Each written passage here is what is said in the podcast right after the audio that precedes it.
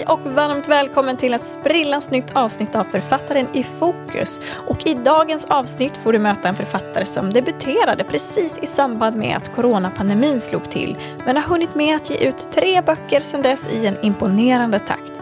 Jag pratar om Sami Jeridi och han är bland de mest energirika, inspirerande personer jag mött på länge och har många järn i elden.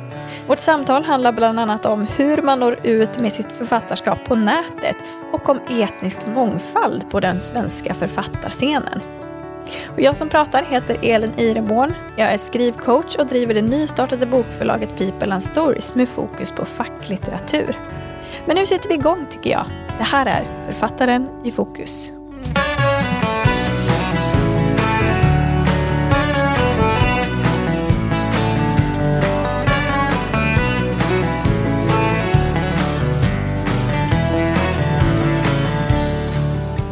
Hej och välkommen Sami Jeridi. Hej och tack! Hur är läget? Det är hur bra som helst. Hur står det till själv? Ja men det är bara fint med mig. Härligt! Nordnorge sitter du i, eller hur? Jajamensan. Och vi har äntligen Vad är du där? Ja, det är en bra fråga. Eh, Min fru är ju norska eh, och eh, när vi fick vårt första barn så, så valde vi, eh, när ungen var i, i, i magen så valde vi redan då att vi ville bo på en lugnare plats med mindre logistik, mindre bilköer och mindre stress och så. Eh, För att få vardagen att, att rulla på. Då valde vi att sälja det vi hade i Oslo och komma upp till Nordnorge. Men jag bor ju även på Gran Canaria så vi pendlar lite mellan Nordnorge och Gran Canaria. Ja, vad spännande. Men du är uppvuxen i Sverige. Uppvuxen i Sverige, i Solna. Härligt. Och du är ju deckarförfattare Ja, som har gett ut tre böcker i Getto-serien. ja Eh, Gettokungen, Gettobröder och Gettolegender. exakt. Fick jag dem rätt nu? Ja, du satte dem i rätt ordning. Ja, och det är ju ändå, får man säga, en lång repertoar för vilken författare som helst. mm, Men din första bok kom ju ut för ganska nyligen sen ändå, 2020. mm, Och precis i början av coronapandemin. Precis. Eh, Hur har det varit att debutera under en pandemi? Eh, först så var man lite så här uh, orolig, hur kommer det här gå? Hur kommer det mottas? Men precis som alla andra streamingtjänster så gick det väldigt bra. För folk hade ju helt plötsligt tid att, lyssna och Gettokungen kom ju först ut som ljudbok i slutet av mars 2020. Så jag upplevde väl att, att det inte var så farligt som jag hade trott. Då. Kanske om det hade blivit en eh, inbunden bok först eller en tryckt bok så kanske mottagandet hade varit lite, lite sämre i och med att jag är helt ny och så. Då. Och det är det jag gillar med ljudböcker och streamingtjänsterna där ute. Det är att tröskeln är ju låg för en Storytel-kund eller Bookbeat-kund att lyssna på en debuterande författare om man inte känner till den och, och dess böcker. Då. Så så är det lättare att nå ut den vägen. Eh, Så strategin mitt förlag gjorde tycker jag väl var väldigt smart. Att man började med ljudbok först och så såg man att responsen var väldigt bra och då gick man ut och tryckte pocket på det då. Men det där är ju väldigt spännande just med formaten. Ja. Jag, jag har läst delar av två av böckerna, den första och den senaste. Mm. Och eh, jag måste säga att jag föredrog att lyssna på dem. Ja. För att ditt språk är, det, det är rappt, det är högt tempo, det är ganska vardagligt språk, det är lite liksom slang och, de, och dialogerna och sådär. Ja. Och det tyckte jag passade bättre för det, det talade ordet än att läsa boken. Det förstår jag. Så Eh, Jag och Jonas Malmsjö ett eh, fenomenalt arbete med när han läser in mina böcker. Han är ju som eh, handen i handsken för, alltså hans röst passar ju perfekt för den typen av genre. Och så han har gjort jätte, jättebra. Jag har ju själv lyssnat på mina böcker. Man orkar ju inte läsa böckerna i pappersformat när de är färdiga för det har man ju ändå gjort helt till hela slutredigeringsprocessen är färdig. Men jag lyssnar gärna på mina böcker och även jag kan njuta när jag hör hans röst när han läser upp. är riktigt bra. Men fick du en annan upplevelse då av eh, din, din egen text så säga, när du lyssnade på den? Ja, det, det fick jag. Jag ser saker och ting mer skarpare i bilder eh, än eh, när jag har det i huvudet. Även om jag ser saker i, alltså när jag skriver så ser jag allting hända kanske någon mikrosekund innan som en film i huvudet. Då. Jag får ju hela tiden höra att oh, det är som att läsa en film och läsa dina böcker. Och det kanske har någonting med det att göra då. Eh, min, mitt sätt att gestalta eh, i, i berättandet då. Men, men det är lite så jag känner, jag kunde bara blunda och, och luta tillbaka. Nu vet ju jag exakt hur allting ser ut också så det är lite fuskigt eh, i, i mitt huvud eftersom jag, jag, jag kan ju mina miljöer utan och, mm. utan till då. Men, men det blir liksom som att se allt i en film. Eh, eller gå på en teater där han läser upp som en monolog. Då. Eh, man bara lutar sig tillbaka. Mm. En, en, en kul känsla men det var med skräck i början också för att man visste inte oh, hur kommer det här upplevas nu då att höra en annan person läsa upp min bok. Då? Nu var Jonas eh, väldigt etablerad inläsare för mig. Då. Jag har ju hört på en hel del böcker eh, eh, som han har läst in innan jag hörde på min egen bok. Då. Så, men, men ändå, det var lite så här, och så bara wow, gud så bra boken blev. Jag tyckte till och med att den blev bättre när jag hörde honom läsa upp den. Då. Så att han har gjort ett jättebra jobb. Och som du säkert har fått med dig så gick ju vi vidare med Gettokungen helt till final i Storytel Awards 2021. Så han har gjort ett jättebra jobb så han vill jag fortsätta, i den, fortsätta ha som inläsare till, till den serien såklart. Mm. Ja, jag tyckte också att han kändes klockren för, för storyn också, eller man ska säga känslan av boken, böckerna. Mm. Eh, skulle du vilja berätta lite vad de handlar om, eh, böckerna i Getto-serien? Ja, Serien handlar ju om eh, Leon, eh, Leonard Jaziri, som eh, driver det här halvkriminella och framgångsrika företaget Gettosäljarna. Och där åtar de sig alla sorters uppdrag som går att hitta i samhällets gråzon. Då. Spännvidden är allt ifrån att förmedla en tvättbjörn till att starta upp en politisk kampanj. Vill du ut försäkringen på din bil så hjälper de naturligtvis med det. Då, då. Och eh, seriens drivkraft är ju Leons dröm. Och det är att ge hans lillebror Emir då, en bättre uppväxt än eh, den han själv fick. Så alla pengarna han tjänar lägger han undan till Emirs framtid. Men drömmen är så pass stark så han börjar leta efter genvägar eh, för att nå sin exit mycket, mycket snabbare. Då. Och det kopplar då på girigheten eh, som då utmanar hans moraliska val och det sätter då både honom och alla i hans närhet i farliga konsekvenser. Då. Så det är egentligen grund, eh, vad ska man säga, ingrediensen i, i den storyn. Och sen självklart har ju alla andra karaktärer eh, som tar ett större utrymme i böckerna också fått sina egna drivkrafter då, för att pusha serien vidare framåt då, mot sina mål och drömmar. Och det har ju lite från min uppväxt att göra också då. Jag hade en väldigt tuff bakgrund som barn. Eh, och, eh, men, men från den tuffa uppväxten så växte också drömmar och drivkrafter fram. Då. Så det tar jag självklart med då i, i mina böcker till mina karaktärer. Då. Mm. Hur mycket skulle du säga att du tagit från ditt eget liv när du skrivit um, böckerna? Känslan är väl väldigt mycket i de olika, vad ska man säga, händelserna i böckerna. Och självklart karaktärerna är skapade från, från miljöer och platser som man har befunnit sig på, nära vänner, eh, folk jag sett ute resa, eh, när jag varit ute och rest runt om i världen och så är ju intressanta. Så det är väl det är ju mest fiction, självklart. Eh, men mycket är ifrån eh, den verkliga uppväxten också då, som man har haft, som man har upplevt och och de olika miljöerna och platserna. Då, då.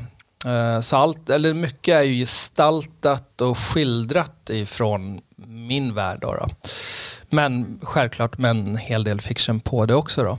Så... Något som jag tycker är intressant i dina böcker, det är just att Leon, ja. han är ju någon slags antihjälte. Precis. Alltså han har ju inte rent mjöl i påsen. Nej. Eh, alltid. Nej. Men ändå så har han den här, eh, han har ju en godhet och han vill ju, alltså helst av allt hade han ju inte velat var kriminell. Eh, och han har liksom, ibland så va, svajar han lite där på, på gränsen och ibland är han väldigt över gränsen. Eh, och han har ju väldigt mycket kärlek till sin bror mm. framförallt och vill ju bryta loss och vill att brorsan ska hålla sig utanför kriminaliteten. Precis. Eh, det man har ju väldigt mycket sympati för Leon mm. samtidigt som det händer helt galna saker. Precis, och utan de galna sakerna så hade det ju inte varit en spänningsroman heller då, eller en thriller. så de måste ju vara där dessvärre då. Men, men det är ju så det här är i verkligheten. Alltså jag är uppväxt med människor som har gjort eh, dumma saker men bra saker. Och det är lite det jag har i, i, mina karaktärer också. Precis som mig. Jag har gjort dumma saker men jag har gjort väldigt mycket mer bra saker. Alltså, Eh, alla har väl gjort en hel del bus och, och kan känna sig igen i det här. Och sen är det olika skalor på vad bus är och så i, i respektive värld. Men men det är liksom, eh, karaktärerna är ju varken eh, onda eller genomgoda. Det är liksom sökande, sargade själar som, som då ska spegla samtiden. Och i Leons fall så han vill vidare, han vill någonstans. Och det är ju tack vare bron han vill någonstans. För utan Emir så vet man ju inte vad som hade, vad som hade hänt med honom eh, om han hade stannat kvar och bara varit eh, utanför, alltså det här gråa och varit helt på det olagliga eller om han hade blivit en en, en skolsmart kille av allt den vägen och på något sätt har funnit en drivkraft där. Men i det här fallet så satte jag mig där just för att det skulle bli ja, lite mer djup, den här kärleken mellan två bröder och som många säkert kan känna igen sig i. Det behöver inte vara en bror, det kan vara en mor eller en far eller en bästa kompis som folk kan känna igen sig i som har funnits där och varit den här kanske sista edgen till att man ha, väljer förnuftet eh, före någonting annat då, innan livet mm. hamnar på fel sida då. Ja, på det olagliga, eller vad man ska kalla det för. Mm. Så det är ju så här, det, det är sånt här som sker där ute idag. Det är ju, det är ju liksom man är på en smal balans och man växer upp i en miljö och allting handlar egentligen om, om de programmeringarna man får runt sig. Då. Eh, och, och, och, Leon fick ju inte den bästa starten av sitt liv. Eh, han har ju en en av de värsta föräldrarna man kan få. Då. Och, och där är ju väldigt mycket fiction på Anders Lindgren och hans pappa. Men det är ju också för att eh, hade jag bara gjort en vanlig, liksom, eh, en vanlig person som uh, Jan för exempel. Uh, Jan i min värld är inte, alltså visst han är mörk och brutal och så, men han har också ett gott hjärta uh, och så. Då.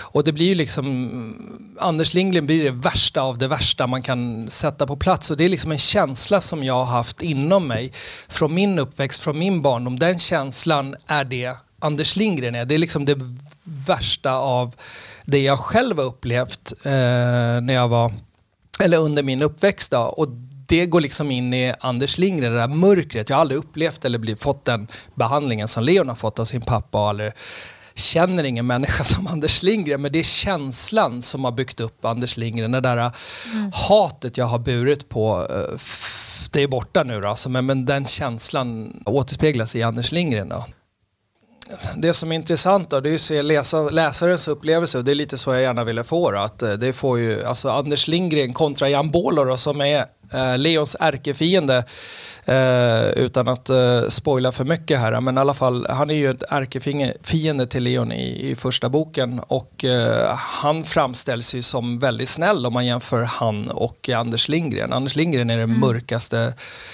ja, man någonsin kan finna då, en pervers mördare som rent ut sagt kasta sin kompromisslösa ondska som en skugga över många av de här andra eh, onda karaktärerna i boken. Då.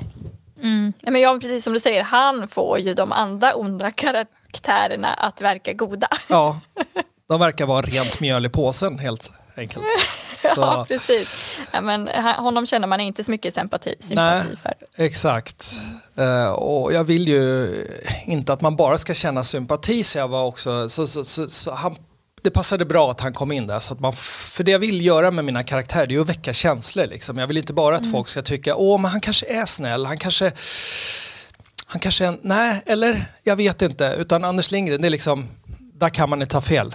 Nej, jag hatar den här människan. Han kan ja. man bara få hata eh, rent, rakt igenom hela boken. Eh, så ja, jag har ju fått ett par eh, samtal och meddelanden från nära vänner som läser mina böcker. Och, och, och, jag har hört vad de, ja, det är liksom, fan den Anders Lindgren, vilket jävla monster du har skapat Sam, vad är det här?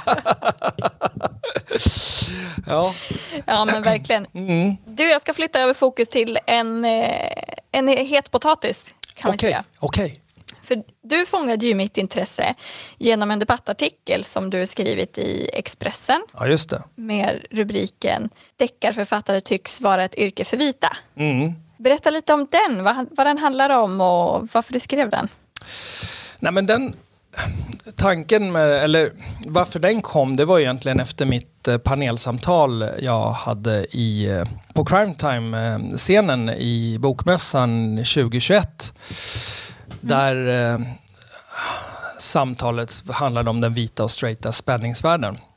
Och det var egentligen därifrån eh, tanken kom då, då. Och så var det presschefen på, på mitt förlag som eh, som hintade mig om du, har du inte lust att skriva en debattartikel om det här? Och så, och så tänkte jag, ja, varför inte? Det är ju inspirerande kanske och, och för, alltså, prata om det och, och våga ta det till ytan då. Utan att liksom smutskasta någon någon aktör i bokbranschen då? För det handlade inte om det. Det handlade mera kanske om att eh, hur kan vi hjälpas åt att eh, få flera, eh, i så fall från min, eller min sida blir dumt att säga också, men alltså flera författare med utländsk härkomst då. Så, för jag kan ju bara tala från, min, från mina egna upp, erfarenheter och, och min uppväxt så var det på den vägen det blev. att ja men Skriv, skriv ihop någonting, dina känslor och vad du tycker och, och tänker runt det. Då, då. Uh, och sen har ju självklart Expressen varit med och blossat upp uh, titeln och sånt där ännu mer. Då, så att det är inte mm. bara mina ord, men det är ju för att de ska sälja såklart. Då. Men det var så det startade egentligen. Det började med panelsamtalet som också var en, uh, en pitch från min presschef till Bokmässan då, som nappade på den. Uh, och sen så tog han bollen vidare och frågade mig om inte jag hade lust att skriva en debattartikel runt det här ämnet. Då. Uh, och då tog jag hela innehållet i, i eh, artikeln, eller debattartikeln. Det, det är ju från min egen bakgrund, alltså mina egna upplevelser varför jag tror att eh, det är få ifrån orten framför allt. Då, då. Återigen, det har ju med de här programmeringarna vi växer upp med.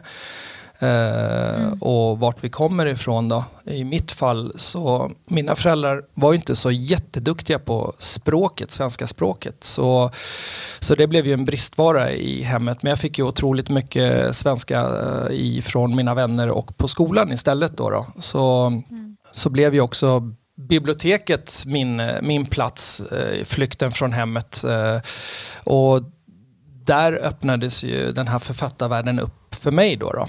Eh, men det är inte alla som har den möjligheten och den vägen att gå. Och då är det ju, tänker jag, liksom att jag drog igång den här debatten för att jag hade hoppats på att flera skulle hoppa på den eh, och kanske att man kunde göra någonting med det i framtiden. För det är flera olika, vad ska man säga, instanser som kan vara med och påverka positivt till att vi får flera normbrytande författare till svenska ja, eh, författarvärlden, vad man ska kalla det för bokbranschen. Men om vi då ska prata om några, vad kan det vara, några orsaker? Mm, en barriär är ju självklart eh, där man växer upp, miljön runt sig. Det, du, blir ju, mm. du blir ju som du som du är. Alltså, med de du växer upp med så får du ju de programmeringarna där. Och det kanske inte är så hett och tufft att vara författare i vissa områden. Det var inte det första jag sa till mina vänner. Fast jag hade drömmen inombords så var det ingenting jag gick och skyltade med direkt. Att jag ska bli författare när jag blir stor. Då hade man ju blivit utskrattad kanske av eh, kompisarna. Mm. För att jag tror väl att många tänker nu ska inte jag, eh, jag vet inte om jag har rätt i det, men författaryrket blossas ju inte upp på samma sätt som artistyrken och skådespelaryrken och idrott. Alltså Zlatan eh, versus eh, den här författarbilden man kanske har, kanske lite instängt, grått och trist och ensamt. Jag vet inte. Eh, nu börjar man ju med, med de stora rockstar-författarna kanske att glamorificera det, eller vad man ska kalla det för, om jag sa mm. rätt ord. det blir lite svorsk och, och, och svensk här, blandat mix. Men, men, men, men fortfarande så saknas det väl tydligare role models från den miljö man växer upp i själv för att det ska kunna vara så pass intressant att man vill ta det steget. Och författaryrket är ingen utbildning heller. Och i min kultur så var utbildning A och O för att komma någonstans i framtiden. Det var liksom, Sami du ska bli ingenjör eller läkare. Det var det jag hade att välja Mm. mellan. Eh, nej, det lockar inte för mig liksom. Mm. Så, men, men det är lite så, jag kan tänka mig att det är likadant i, i andra kulturer, att skolan är väldigt viktig och så. När författaryrket inte är en eh, utbildning så, så blir ju det en barriär i sig då, att, eh, att ta det. Och det är egentligen likadant med med artistyrke och så. Då. På den tiden jag växte upp, nu finns det ju linjer för att bli artist och, och, och, alltså, och hålla på med sin idrott, fotbollslinjer och sånt. Då. Allt har ju gått framåt från när jag var barn. Då. Men om vi ser på min tid, jag vet väl inte, nu finns det väl fortfarande, det finns väl utbildningen inom författarskap och, och så då, kanske på högre nivå. Men på den tiden jag växte upp så, så fanns det ju inte. Så förebilder saknas kanske, tydliga förebilder som kan vara med och och eh, skapa intresse, väcka intresse runt det här.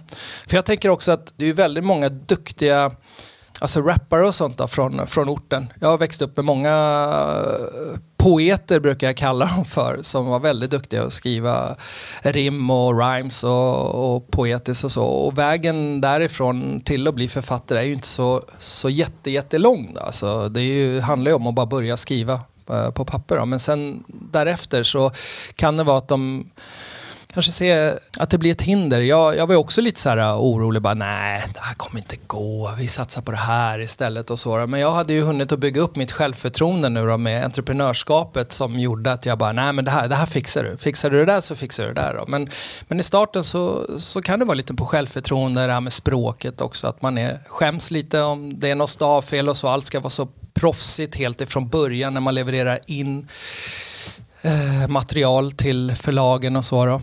Men så ett, eh, en anledning då kan ju vara då att det helt enkelt inte finns så många som skriver. Just att man kanske inte har fått den stöttningen hemifrån eller Mm.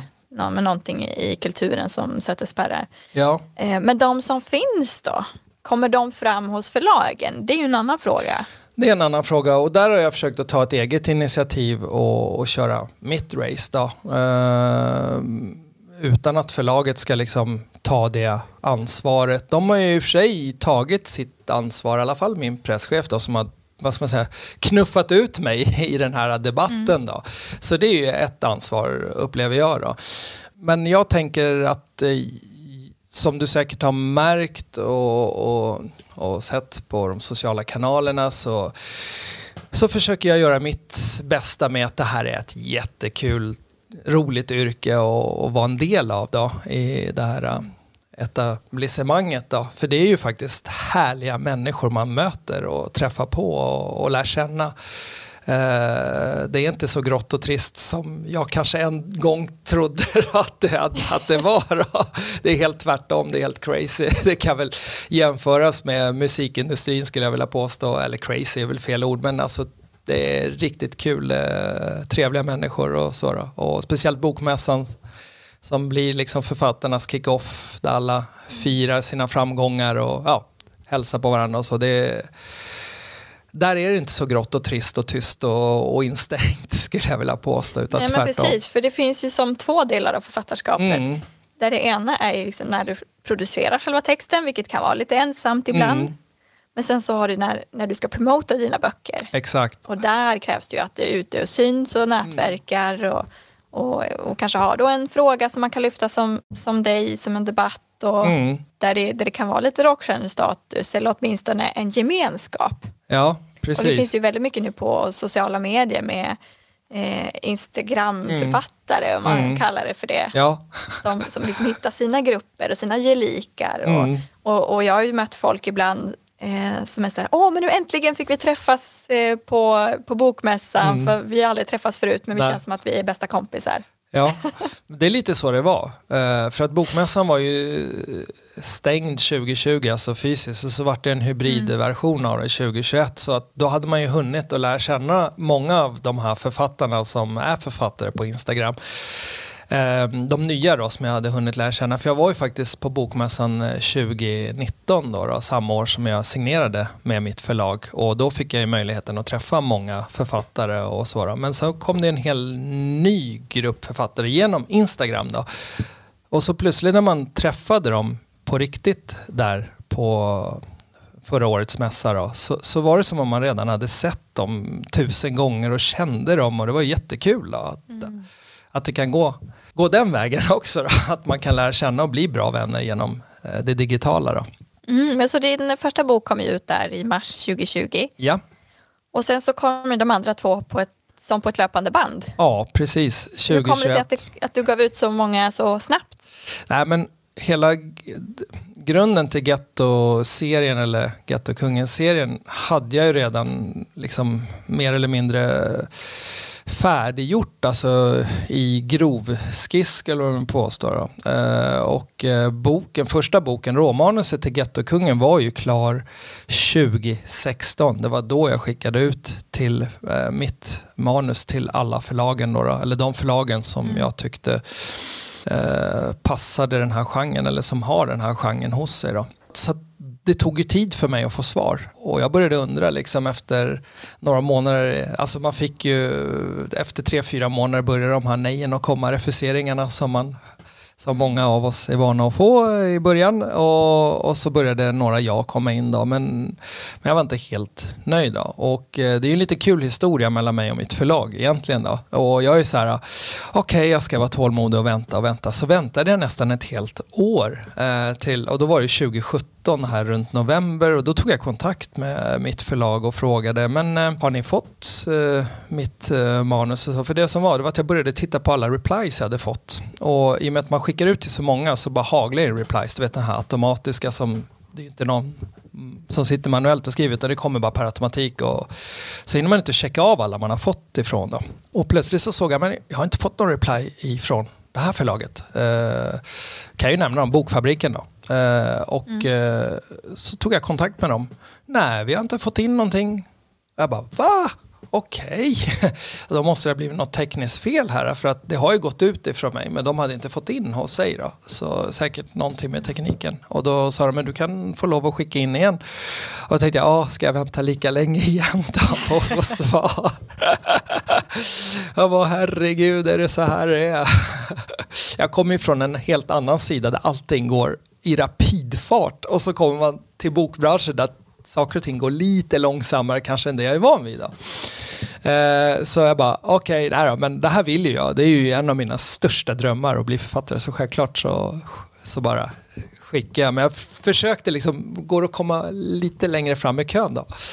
Eh, ja, vi ska se vad vi kan göra. Men i alla fall så tog det bara tre månader så fick jag ett positivt svar. Då. Så Ja, så då hade jag ju hela den här tiden på att fortsätta att skriva vidare. Alltså, man lämnar ju öppna dörrar då, som jag brukar säga i, i storyn. Eh, det är ju ingenting som är eh, färdigt och så för ifall att man ska anpassa det eller man kommer på nya idéer och så. Men jag hade väldigt mycket klart på de tre första böckerna då och även vidare då. Men, men det var mest klart på de tre första böckerna för det var också det jag skrev i e-posten att eh, jag vill skriva en fristående serie, eller jag vill ja, eh, släppa en fristående serie på, på tre böcker. Då. Och då var tanken bara att det skulle bli de tre. Men eh, under det här arbetet och så då, i slutredigeringarna och så, så började ju storyn att växa ännu mer och, jag lärde ju känna karaktärerna ännu bättre. Även om jag tyckte att jag kände dem väldigt, väldigt bra så började man känna dem ännu bättre och, och så. Då. Så Så tänkte jag, nej men varför inte, vi, vi, vi fortsätter, går det här bra nu och, och gillar läsarna det jag skriver så, så kör vi bara vidare. Och, eh, och så blev det då. Så det blir ju tre böcker till då, eh, efter den, de här första tre nu då. Men Kommer på den de vägen, komma ut i ja, samma takt också? Nej, det orkar jag inte. Nej men det som är det att jag har börjat skriva på en ny serie parallellt med, med Getto-serien. Så Aha. då får det bara bli en bok i, i Getto-serien som kommer ut per, per år. Då. Vad handlar den andra serien om? Jag kan inte säga Vågar mycket. säga något? Nej, men jag kan säga att det är en spin-off i alla fall på, med en av uh, karaktärerna som du har mött i en av de tre böckerna. Aha. Mer säger jag inte. Mm. Spännande. Så kommer det också vara samma genre ungefär då? Mm, jo då. Det, det är den genren jag kommer hålla mig till. Uh, jag tror jag kommer skriva den här, alltså i, i spänningsgenren, uh, thrillergenren, ja, helt tills jag blir riktigt uh, tråkig människa och och, nej jag skojar, och inte ha det här action kvar i mig eller vad man ska säga det här. Uh, ja, det här det som krävs för att skriva den här typen av böcker. Då. Eh, och jag börjar bli ännu mer sentimental och sådär. Kanske jag går till feelgood eh, humor eller något sånt. Jag vet inte. Jag gillar ju ganska mycket mycket alltså, där ute. Det finns så mycket bra. Och det, jag, jag, jag, läser inte bara spänning, jag läser väldigt mycket annat också. Och, men just nu så känner jag mig tryggast i, i den här genren eh, i och med att jag har så mycket jag kan hämta från mitt förflutna, inspireras av och, och just det här känslomässiga som man kan dra in och, i dialogerna och orden hos mina karaktärer och de utmaningar jag sätter dem i. Eh, det är viktigt, jag känner att den här känslan är jätte, jätteviktig. Så mm, får vi se i framtiden vad, vad det blir av då med mm. för genre. Men jag fortsätter i alla fall i den här genren. Kanske blir lite lugnare man... tempo i framtiden, man vet ju aldrig. Nej, men man ska fortsätta med det man tycker är roligt. Precis, det är det viktigaste, att man har mm. kul och då blir det alltid bra av det hela. Men okej, okay, så då kommer vi att få se fler böcker av dig. Yes. Det känns ju jättespännande. Um, vill du berätta någonting kort också om din, din andra karriär kan man säga? Entreprenörskarriären? Du är inte bara författare. Nej, precis.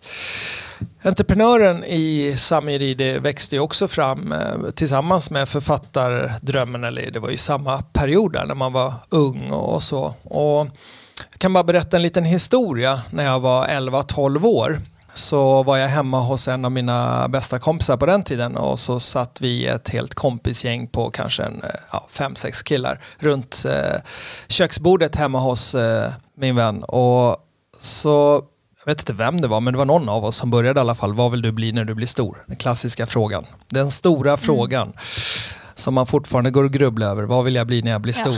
För jag blir aldrig stor.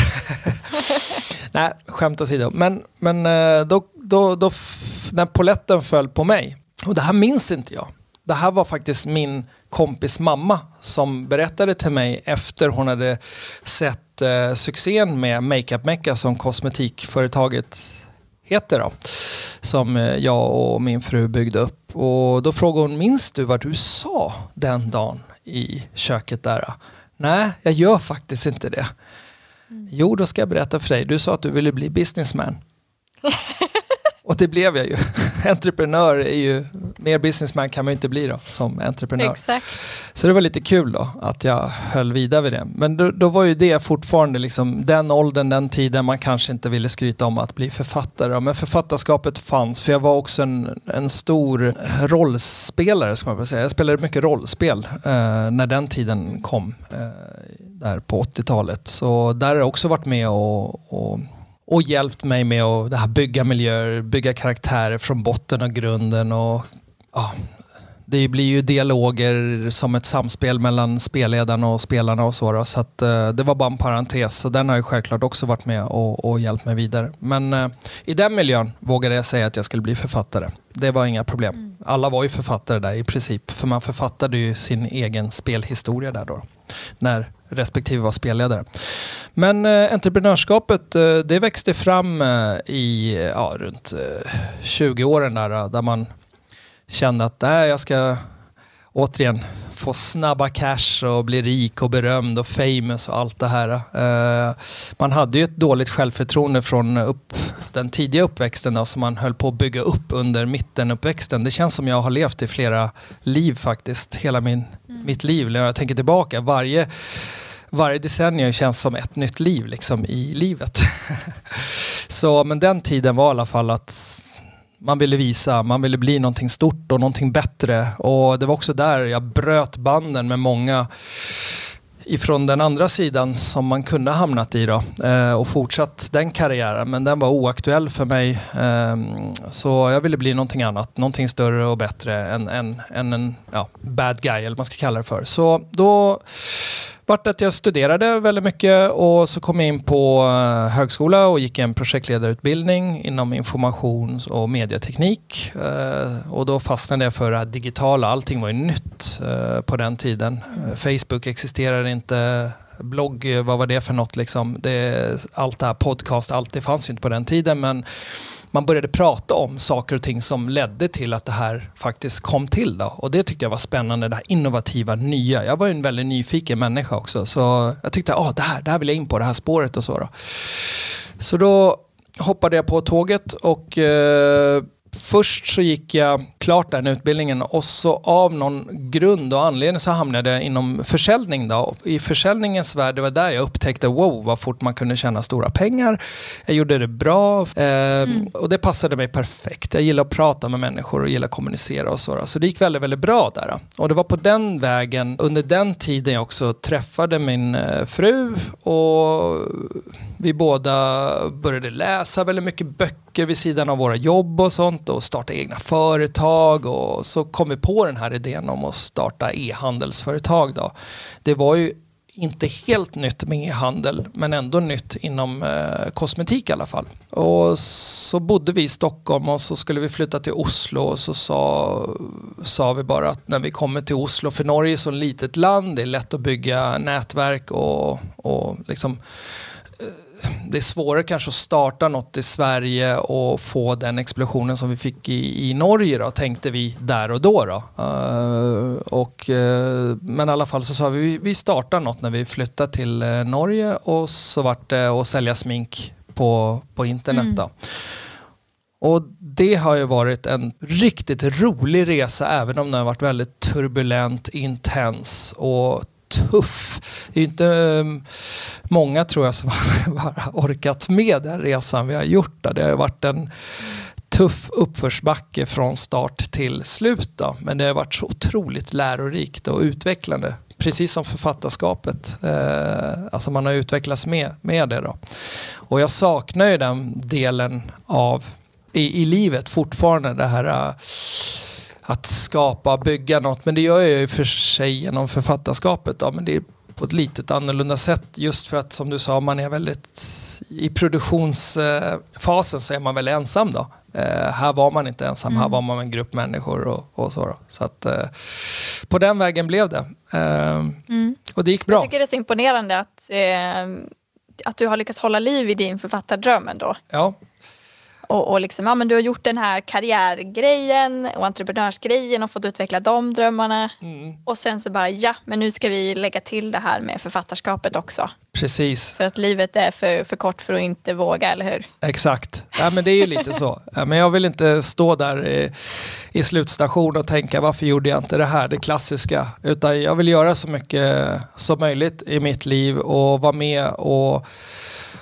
och om inte underhålla, hjälpa, alltså ja, på något sätt hitta de här äh, områdena som gör mig lycklig och, mm. och, och, inte tänka på varför gjorde jag aldrig det där. Det är ju det klassiska man hör hela tiden och jag, jag hörde det äh, som ung också. Men Samuel du ska bara hoppa på det, gör det, gör det. Livet är för kort för att inte göra det. Liksom man, man har blivit inpräntad när man har träffat de här rätta förebilderna i, i sitt liv då, som kanske har hjälpt mig. Man har varit som en liten flipperkula där när man sökte sig fram vad man ska göra eller hur man ska eller vem jag ska bli eh, och, och så vidare. Så mm. att eh, min uppfostran har väl varit genom att jag har träffat hittat personer, du vet det är som att gå på en stand, strand och vända stenar. Så har man hittat de här äh, rätta stenarna med krysset på, liksom som man har hängt med och följt efter och sett upp till och lärt sig ifrån och så när nu var det färdigt utbildat där, då går vi till nästa sten och så vidare och så vidare. Det är lite så jag har hållit på då. och det är väl det som har varit med och, och format mig till den jag är idag då, och, mm. och, gjort att jag kommit dit med den drömmen och drivkraften jag hade från uppväxten. Då. För det var ett betydligt, det var ett, äh, det var ett stort mörker inom mig, alltså det var mycket, mycket svart energi i mig uh, och jag lyckades forma den till någonting positivt och, och den kraften är enorm alltså.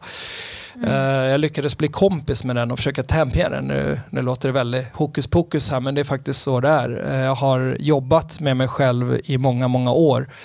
Uh, för att det, det har inte varit lätt när man har kommit från en sån uppväxt. Och jag förstår att folk har svårt där ute som har haft det tufft som liten och som barn. Mm. Och, och, är i sådana miljöer där man inte kanske kan träffa de här rätta människorna då, eh, som kan hjälpa en vidare. Så, mm. men... Ja, men jag tror att din historia har nog möjlighet att inspirera väldigt många och att du kan få vara en förebild. Jag hoppas Så vad skulle det. du vilja säga till, eh, till de som sitter där hemma med författardrömmar? Kan jag, kan du, kör så det ryker och ha jättekul. Ja, vad härligt. Underbart.